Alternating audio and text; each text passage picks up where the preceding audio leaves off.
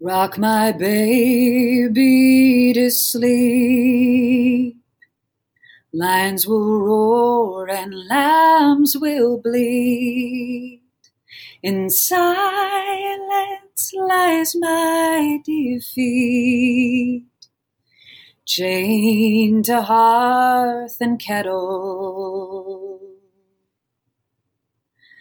I dream I darn his mouth shut.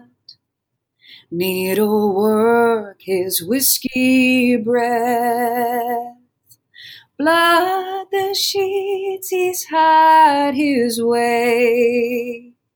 I spread my legs to ride away. Oh, my darling suffragettes, who sow the seed, then weed and harrow. Raid the barn for tools to borrow. The harvest is not ready yet. The harvest is not ready yet.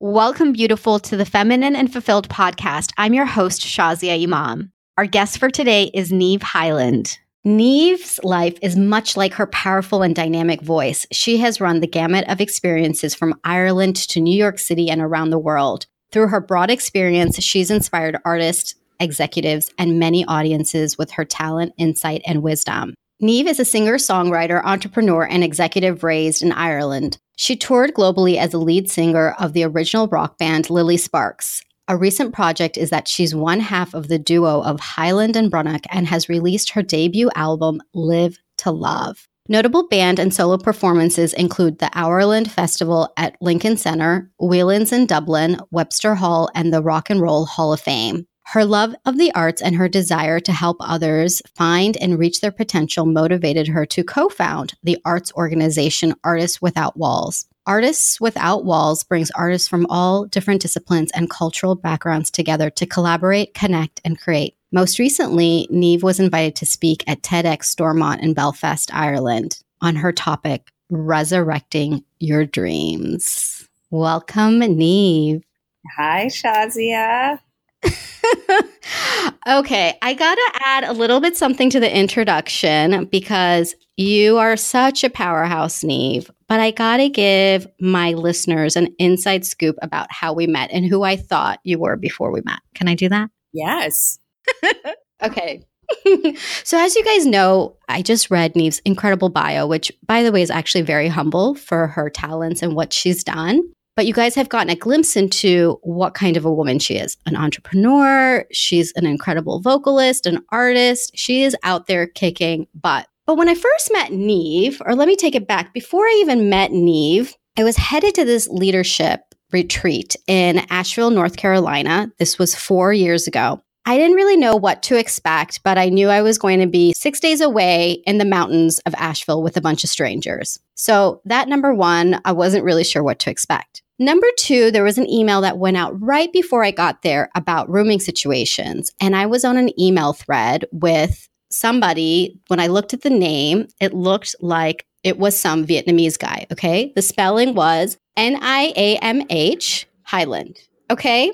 So that's how Niamh's name is spelled. It's spelled N I A M H. But when I first saw it, I thought, okay, this is some random Vietnamese guy and I'm going to be sharing a room with him. This is so strange.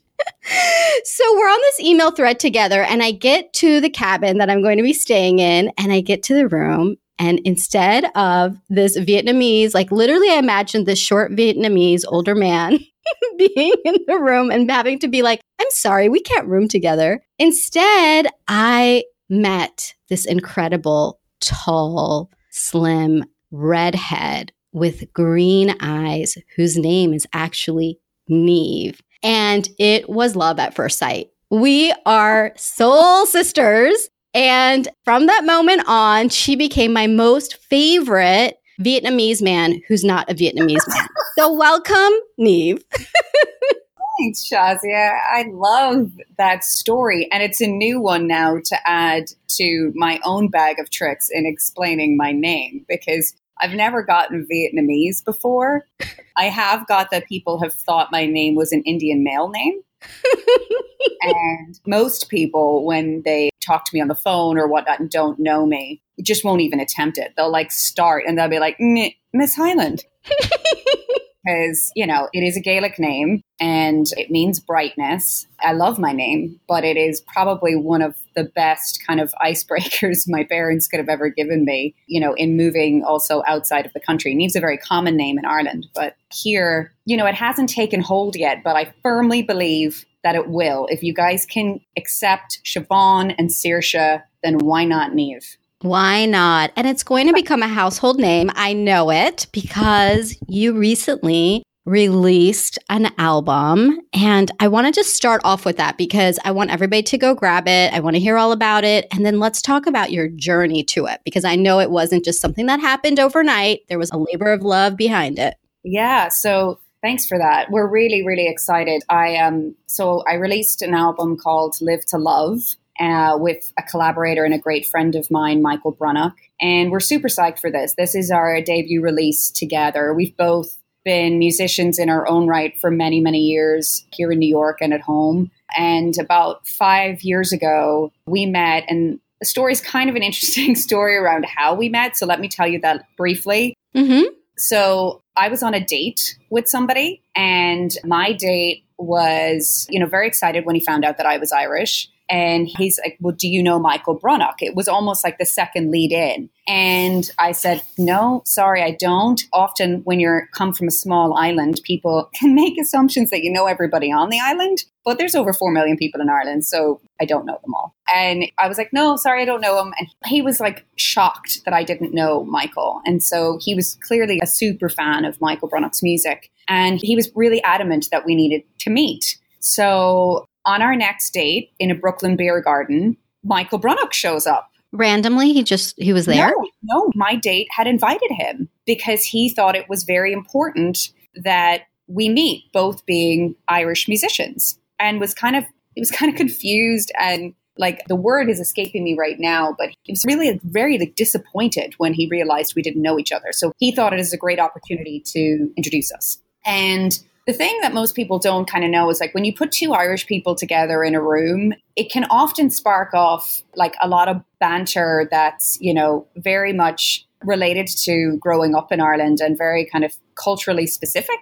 So we tend to be very witty and sarcastic and you know, we kind of immediately just started on that track with one another. And, and the poor guy honestly didn't really get much of a word in through the, the rest of the night. And then we sat for kind of after kind of the it wasn't it ended up being kind of more of like a friendship meetup then by the end of it all. But after the date that i was on left we spent hours like listening to music talking about just our families at home and our stories and journey in music. And just at the end of the night we just said you know what? Why don't we try to write something together? And if it works great. And if it doesn't sure it's no loss. Like we've again kind of met another great human on the planet. So that was how we met and when we started getting together to write, the first song we actually began to create is the title track to our album, Live to Love.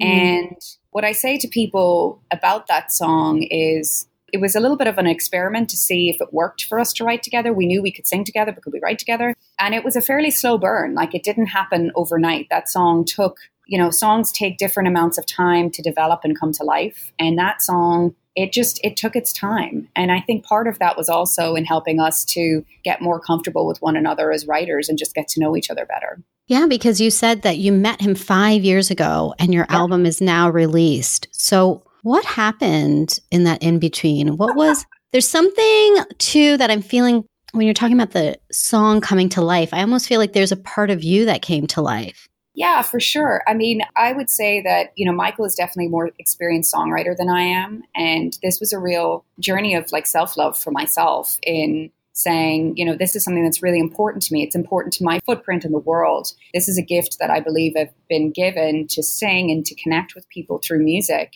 And I really want to push myself to write more and to, you know, even kind of peel away another layer and become, you know, more and more vulnerable because, you know, singing is a very vulnerable thing to do. You are revealing your soul and you are letting people in. And similarly, I feel like writing kind of adds another layer of depth and uh, vulnerability to that experience. So it was important to me to be able to do that. And, you know, as any writer would tell you, you can put as many timelines around writing as you want, but it's going to come when it's time to come. And it's going to be a lot of work in between and iteration in between to figure out what's resonating and what feels like as close to a finished product as you want it to be. Because for me, songs, even uh, having released an album, these songs will continue to evolve and they will continue to gain life in different ways. The vulnerability piece, Niamh, I'm going to go there. I'm going to go there. and right now I'm like, I'm closing my eyes and I'm imagining after our days at the leadership retreats and mm. you know we would have these long intense days of experiential activities and like being torn apart and put back together. I mean it was a very intense transformational experience. Yeah, physical too those those physical physically intense. I won't talk about the moment of the fall unless you want to share that. I'm trying to remember the moment of, oh, the trust fall. yes. Oh, that was a massive disaster. um, yeah, so we each of us had to do a trust fall. And like I will say, it takes me a while to trust people. And this was pretty close after we'd all gotten together, right? So, you know, all of a sudden they're telling you to kind of get up on this elevated platform. And now you're just going to like let your body go and drop into the arms of like for me, a bunch of strangers and just the logical side of my brain could not let go of the fact that what if one person's arm, you know, didn't grasp? What if somebody's, you know, what if somebody couldn't, like, if they couldn't carry me, whatever. And I did a lot of hemming and hawing, as we would say. I could not make up my mind whether or not I wanted to do this. And I was half off the platform at one stage, and then I like magically, you know, got myself back on the platform. I was terrified. When I eventually did the trust fall, I did it so poorly that I like elbowed one of like my dearest friends now and tribe members in the face because you know they tell you when you trust fall you have to keep your arms close to your body so that obviously you don't hit anybody on the way down. Everything went flailing and flying when I went to this and you know i mean i think the good thing is she still talks to me today and i love her dearly but is this nancy nancy i think i might have given her a black eye Shout out to Nancy if you're listening. oh my gosh. yeah. yeah, I totally forgot about that moment until you mentioned it. Yeah. Trust. I do remember it because I was standing there and just to paint the picture for you guys, Niamh is, is not some, you know, more than a certain weight kind of person. She's very, very, very thin. And there were eight of us. you're like, she's very, very, very thin. I'm like, take a very out of there. she is. And what's just really funny is I made sure to stand on the end where I would just catch like her feet or her head or, you know, something very like non threatening because I'm not that strong, you guys. Physically, I'm very strong emotionally. But I just remember watching Niamh like as she's trying to look back and see can she fall into these eight people's arms? One of which was a navy general like who probably could have just picked her picked you up by herself. And just watching the moment it was memorable. It was memorable. Yeah. thank you for bringing me down that memory lane. Wow oh my gosh. I think we talked about that for such a long time. So that's one of the things going back to what I was sharing earlier is that after a day like that, you know, going out into the woods, when she talks about a platform, we were literally on a tree falling back. We would come back, and because we were roommates, we would stay up and we would debrief about the day and we would talk. And Niamh was the person, you were the person that I felt like I could share everything with and be so vulnerable with. And I know that you did the same. So I'm just feeling into that in this conversation and wanting to share that with people listening because the kind of relationship where you can really be vulnerable with someone is something that is priceless. It's absolutely priceless. So, Niamh, can you share something vulnerable about yourself? Vulnerable about myself? Mm-hmm.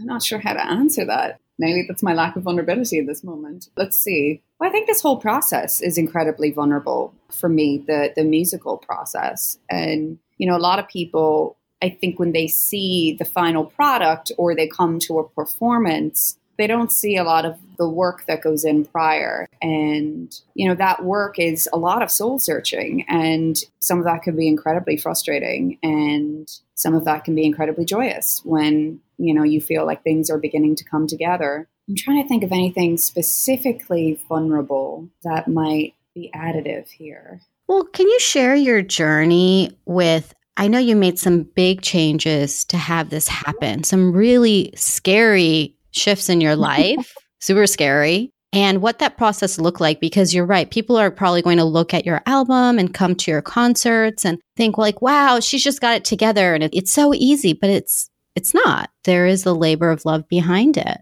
Yeah, I mean, I've been really fortunate to have had a lot of different opportunities and experiences in my life. Those which you've shared earlier musically, but I also worked for many years in the corporate world and it was a leap of faith for me to decide and being very vulnerable to decide to take a little bit of a break from that to be able to you know really hone in and focus on this for a period of time. For me you know i think most creative people would say it's not something you can shut off creativity and it's not something that ever goes away just because you take a certain path in life, just because you say, okay, look, you know, I have to afford my rent and I have to pay my bills and I, you know, want a level of security and safety in my life and I want that full time job. And I think that's great. But there are also so many people in the corporate world and beyond who are, you know, living two lives of, you know, doing the day job on a day to day basis and then trying to carve out you know pieces of time for themselves to really do those things that they love do those things that you know ignite them inside. And for some people that could be their day jobs also. I don't want to make an assumption that it's not. So for me it was really important to be able to take the space because what i was finding was I had an executive role in the last organization that I worked in. I cared deeply for their mission and for what they were doing in the world. And it was also a lot of, you know, as with most roles nowadays, long hours. So carving out the time for me to be able to do the things that I wanted to musically seemed more and more difficult. And I really am the kind of person that I feel it's really important that if I've made a commitment somewhere or, you know, to, to someone or to some organization, that I see it through. So I felt like I needed for myself to make the commitment to see through this project. And I also owed my collaborator and partner, Michael, that due as well. When you start something and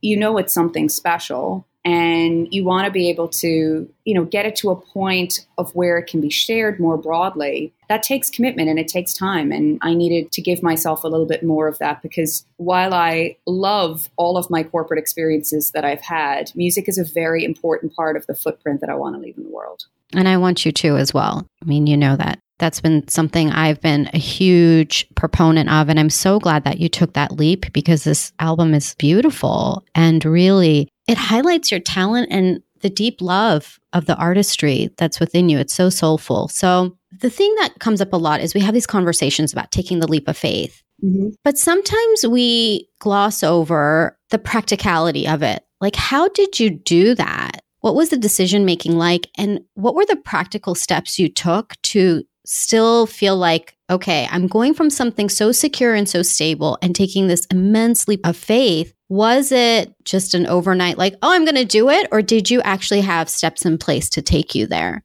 You know, you and I have been friends for a long time. You know, it wasn't an overnight decision, definitely. It takes a lot of planning, and it's not just financial planning, it's also emotional planning and a little bit of spiritual planning mm. for yourself around looking at where you are in life and where you want to go. And that for me was a lot of internal work that I needed to do and it's scary. I'm not going to say that it's it's an easy decision. It was a really difficult decision to make. And I decided that it made most sense for me to be able to financially plan, to be able to take the time. But in addition to that, it's coming to a conclusion of a commitment for yourself, if that makes sense. I think these chances in life, because life is going fast, and these chances in life to take a step back and do something that is truly for you, not for anybody else, but for you, and hopefully people will get a lot out of it, is a real gift. And I really understand that people's you know life is different for everybody and everybody has different responsibilities. And one of the reasons why i did the,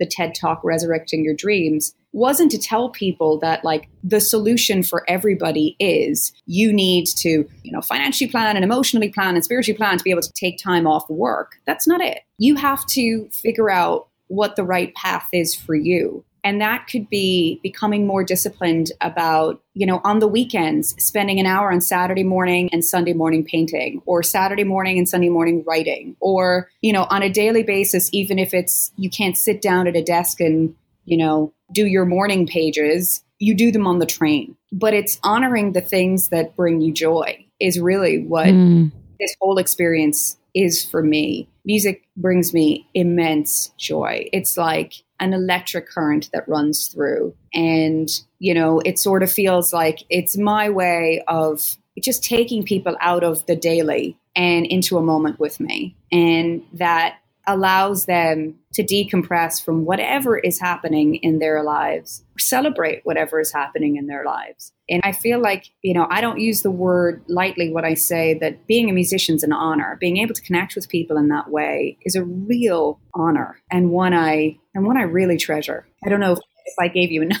enough there, Shaz, but that's, you know, I don't think there is a one, two, three, four, five step program for this, you know, because not everything that I planned during this time worked the way I planned because it's life and life is messy. Yeah. And there was some divine intervention, I feel too. There were some circumstances that happened in your life that, you know, I believe really gave that final push. And sometimes we need that to really go for the things that we deeply love because this is a part of your destiny. This is a part of who you are. And to watch you in it makes me feel so proud, so happy, so elated to know that you're living your passion and that the rest of us are getting to benefit from it, from your voice and your talents. So share that with us. What happened? Because there was definitely God saying something along the way, which was, you're not going to stay here forever. You mean in my previous role? Mm-hmm. Well, in your injury. Oh, in my injury. Yeah. So, well, I think one of his ways was definitely a very random foot injury. So I woke up on a Saturday morning after, you know, my regular daily commute on a Friday and I, you know, got out of bed and I couldn't put any pressure on my right foot and hadn't fallen the day before. I hadn't come off the curb weird. And I was completely baffled by this because the foot seemed incredibly tender. And I, you know, rested it for a couple of days. And I was just like, you know, maybe, maybe I stood on something. I don't know. And I'd never been to a foot doctor. So I went to the foot doctor, and the foot doctor was like, You've broken a bone in your foot and you have a stress fracture in your foot. And I said, How on earth would I have that? Like, I didn't do anything. I didn't fall, nothing. So, in talking with a lot of people afterwards, and I mean, I guess it wasn't the first thing that came to mind for me that, oh, this is some form of divine intervention. No. But in talking to a lot of people, the very image of not being able to move to being, you know, being stalled in some shape or form in your life, is there a bigger reason for that? And so, when you are kind of a little bit more laid up and you can't get around as quickly as you normally would, or you have to stay off the foot as much as you can, you begin to think about that a lot more. And you know, for me, you know, I just sort of felt like, well, maybe, maybe it is a sign, but I don't necessarily know if I would fully equate that to why I made the decision I made to kind of really fully focus on music for a period of time. I think it was a combination of a lot of things, but it definitely made me ponder the idea that is there a reason why I have actually been stalled a little bit? Am I going too fast? Am I not seeing what's in front of me? And, you know, who am I now? Right? Because we, we kind of shift and change all the time. And, you know, I wanted to really take an inward look and see, you know, do I like this person? Is this the person who I want to be? Am I doing the things that bring me joy? Mm. I think that was really the moment for me where I, I said yes, because I've always kept music up and I've, you know, run an organization on top of things for artists called Artists Without Walls, as you mentioned earlier. But it was really more of a personal look of does that feel like the percentage of time I'm spending in that area of my life is enough when it looks at my overall happiness in the mm. world? And for me at that moment in time when I decided to, you know, do all the appropriate planning beforehand and think about it, the answer was no. You need more of this right now. It doesn't mean that I won't, you know, spend many more years in corporate, which may be the case, but for now, this is where I need to be. And how was that time off for you and the time to spend doing what you love? Well, it was a lot of self care. So, you know, it was, yes, spending a lot of time on music, but I didn't struggle with one injury. I had two foot injuries. So that it's very humbling when you get stalled and when you, you know, can't busy your, because I think we busy ourselves a lot in this mm-hmm. world. You can't busy yourself with all of your chores and this, that, and the other. You actually have to sit with yourself. And you have, you know, when you do that, I think it's hell of a lot more revealing than the running around that we do. So I found the time to be very self healing and the gift of music and, and the time to write and express myself and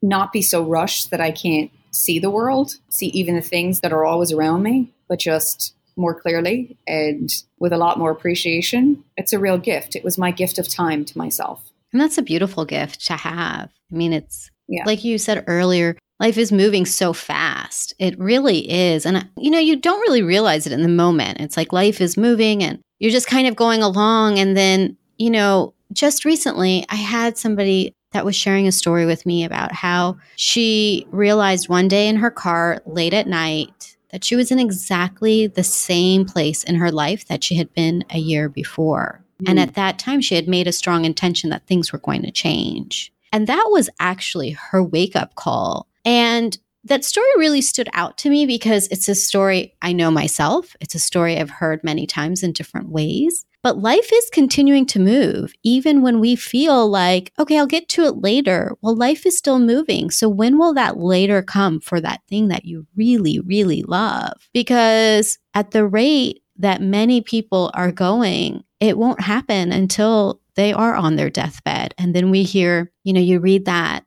report from that nurse who had done the survey of hospice patients, and their greatest regret was not doing something for themselves that they really loved. It's, you know, it's the other thing as well that I think is revealing is how obsessed we are with to do lists mm. and how deceptive they really mm-hmm. are. You know, we have these endless amounts of tasks that we've listed for ourselves to do on a day to day basis. I get it. Like some of the stuff is genuinely needs to get done. But if you ever notice how much time people spend on to do lists, they'll tend to always kind of go for the least important first. Mm. Oh, I need to get the little ones off. You know, the things I can do under five minutes or 10 minutes, like, let's get them done. And the big rocks or the big things that are actually going to like shift you emotionally and spiritually and physically and beyond are the ones that we kind of leave to the side because they're scary and they're hard and they mean really connecting sometimes with you know having those moments of looking at where you are at in your life and what it is that you want and where it is that you're going. And they keep getting shoved, I feel like, further and further down a lot of to do lists. So, I mean, letting go of that sometimes too, not having every day and every minute of every day so scheduled allows for more of that creative energy mm-hmm. to come into your world. And I know how hard that is when you have, you know, two days to get everything done before, you know, start on another week. I get that. But I think if there's ways for people to be able to, you know, hold precious some time for themselves, whether it's meditating, whether it's going for a swim, a walk, whatever, that doesn't get taken off the to-do list because it's not as important as something else. You know, I think that those are like some of the real moments of joy.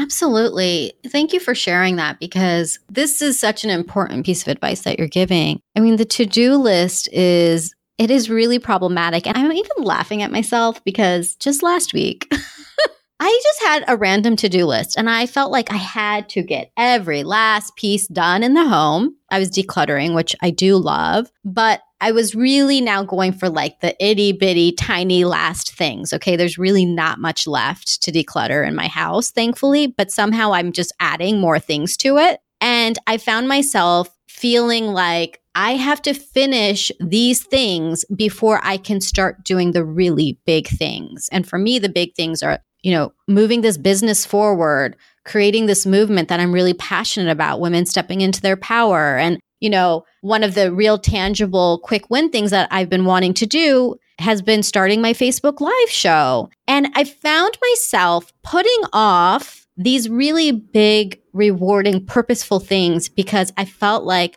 oh my gosh, I have to make sure I get rid of these pens that I decluttered. Like, It's a perfect example of what I.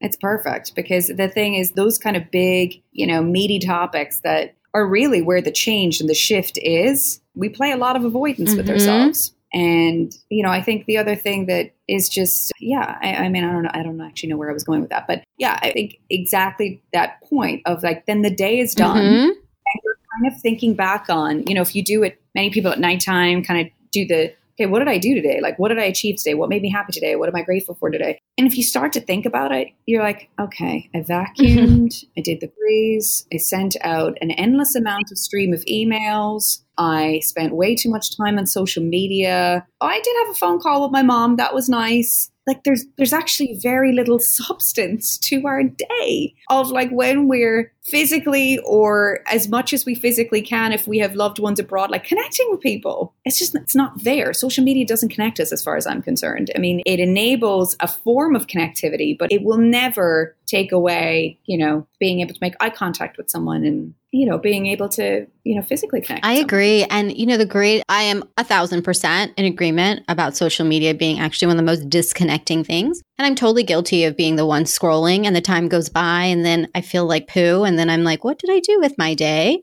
Because the greatest disconnection that's happening is actually with my own self. Mhm. And going back to what you said earlier, having the time and the space to be creative, to have that creative time, whatever that looks like for you, whether it's journaling or singing or exercising or going out with a friend, you know, whatever it is, it doesn't matter what it is for you. But to do it can be the biggest game changer because one of the greatest things that I know that I'm doing is that I'm avoiding connecting to myself because I'm avoiding connecting to the deep feelings. Mhm. Yeah. I was watching something recently, and I apologize. I, if I'd known we were going this direction in the conversation, I would have known the reference. But it was talking specifically about the epidemic of loneliness mm.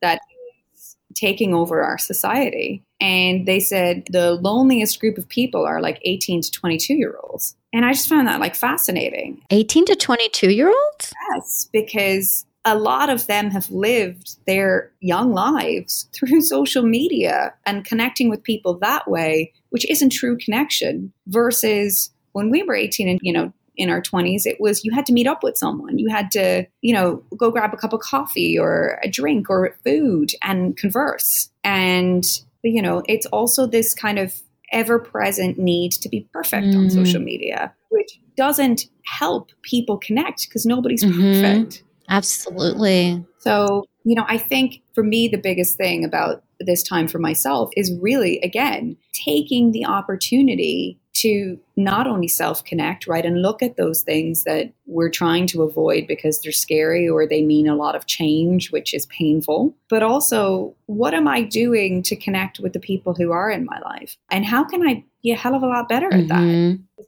I'm just as guilty as everybody else of thinking I'm connecting with people by liking something on their Instagram page or commenting on something on their Facebook page, and it's just not true. It's not at all. And I actually did a whole podcast episode on friendship and exactly this topic about really going past the loneliness that so many of us feel. It's very normal in this day and age of disconnection and how to really take that proactive stance and and actually connect. The key is connection. So if for anybody listening, if you haven't checked that out already, the friendship episode, I highly recommend it. Um, it's a great way for you to think about your current relationships and really enhancing those and building new relationships if that's something you want to invite in your life too. So, Niamh, I want to highlight now you do have something that is very social media worthy, which is this album that you have released. Yes. And I want to highlight that in a very deeply connected way because this is something that you can look at and say, I did this.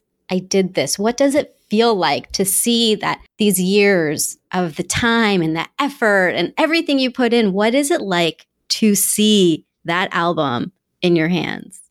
It's sweet and it feels like a great accomplishment. And, you know, I have to say it's also been a really joyous that I get to do it in partnership with Michael. This this album, yeah, it's a very I'm at a loss for words with how much it means sometimes, you know. It's very special and almost sometimes a little weird when you see it like in a CD in front of you. It's only part of the story of what it takes to create it, right? So, yeah, I mean, the songs mean a lot to me on this album. It's you know, it's a real album about connection. It's a real album about beautiful relationships, all different mm-hmm. types from you know, Live to Love, which is really about the connection between that two people had in the past, like a memory of a past love that was a beautiful past love, and a memory that's celebrated, which is sometimes not how we think about former loves. You know, from that to like hope, which is really about optimistic gratitude for someone in our lives who is incredibly generous and you know I, I, love this song because it's really written about how um, written about a woman through the imagery of a garden mm. and nature. And the whole album actually really has a very strong feminine energy to it. And I actually love that it was, you know, co written with a woman and a man. And it has that really strong celebration of the female spirit. Well, would you honor us by sharing a few sonnets? Can I say it any nicer, Niamh? you always catch me off guard with this with stuff. everything. Uh, you should know by now. it's a true lesson and when you interview with Shazia, it's like a lesson in presence. Like you just got to stay in the moment because if you go anywhere else, it's dangerous.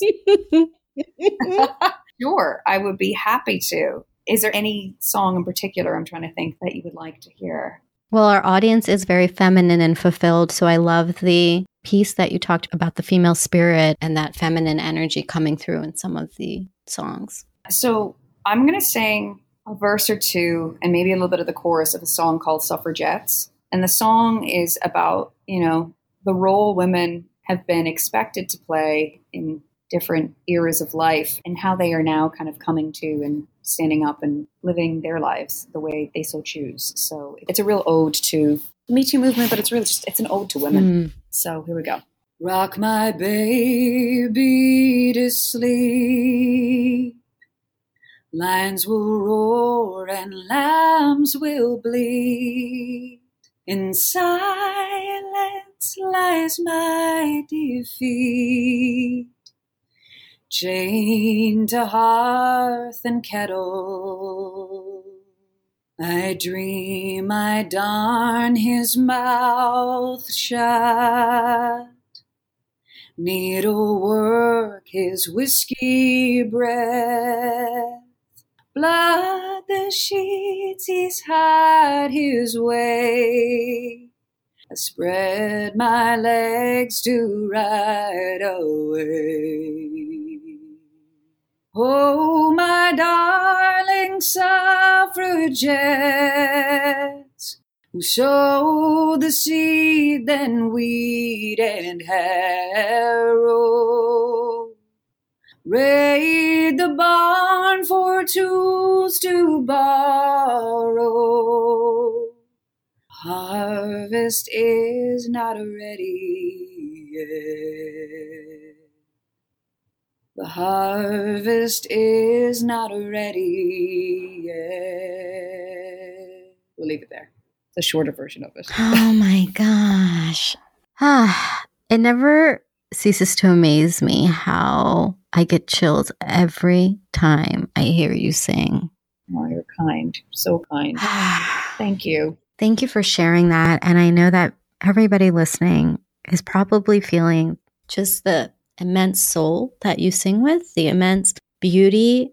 The lyrics were so moving. Oh my gosh. Oh my gosh. And and I have to give massive props there to Michael for those lyrics because they're beautifully crafted. And as I said earlier, he is an exceptional talent when it comes mm, to writing. Yes, please tell him thank you because he really captured the essence of, whew, of many, many women's stories. And thank you for sharing that vocally. That was, oh my gosh, that was so beautiful. I'm so So happy for you, Niamh. And you you know how happy I am, but I want everyone else to hear it. I couldn't, I just, I'll keep saying it. I just couldn't be more proud, more happy, more excited for everybody who gets to be a part of this now. And how can they find and listen to your music? So I'll tell you that in one second, but I think it's really important to say one thing about you know, your beautiful words around being happy for me. An artist journey is a challenging one, but it's one that becomes possible through having great friends like yourself,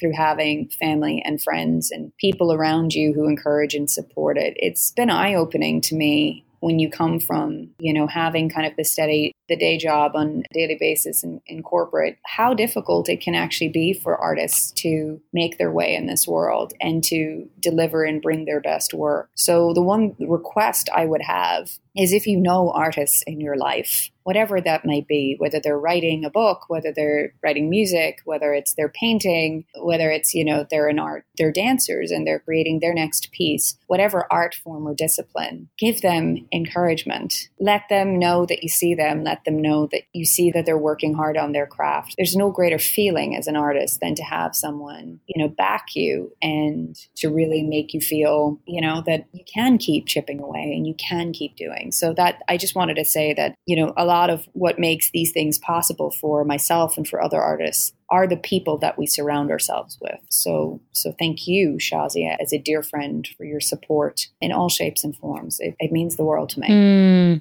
It really does. And folks can grab our CD on iTunes, listen to it on Spotify. It'll be available also on Amazon, all the general, usual digital outlets. You can also find us please do Hyland underscore Brunnock on Instagram and on Facebook. We have a, a, musician page as well, Hyland and Brunnock. And you can also check out our website, which is Hyland and then the and is spelt out A N D Brunnock.com. Great. And so that's H Y L A N D A N D B R U N N O C K hylandandbrunnock.com. We will definitely put links to all the ways that you can find Niamh and her beautiful voice on our show notes at thelifeengineer.com slash podcast slash Niamh. That is spelled N I A M H. N I A M H. We might have to do a redirect on a page that's spelled the way it's phonetically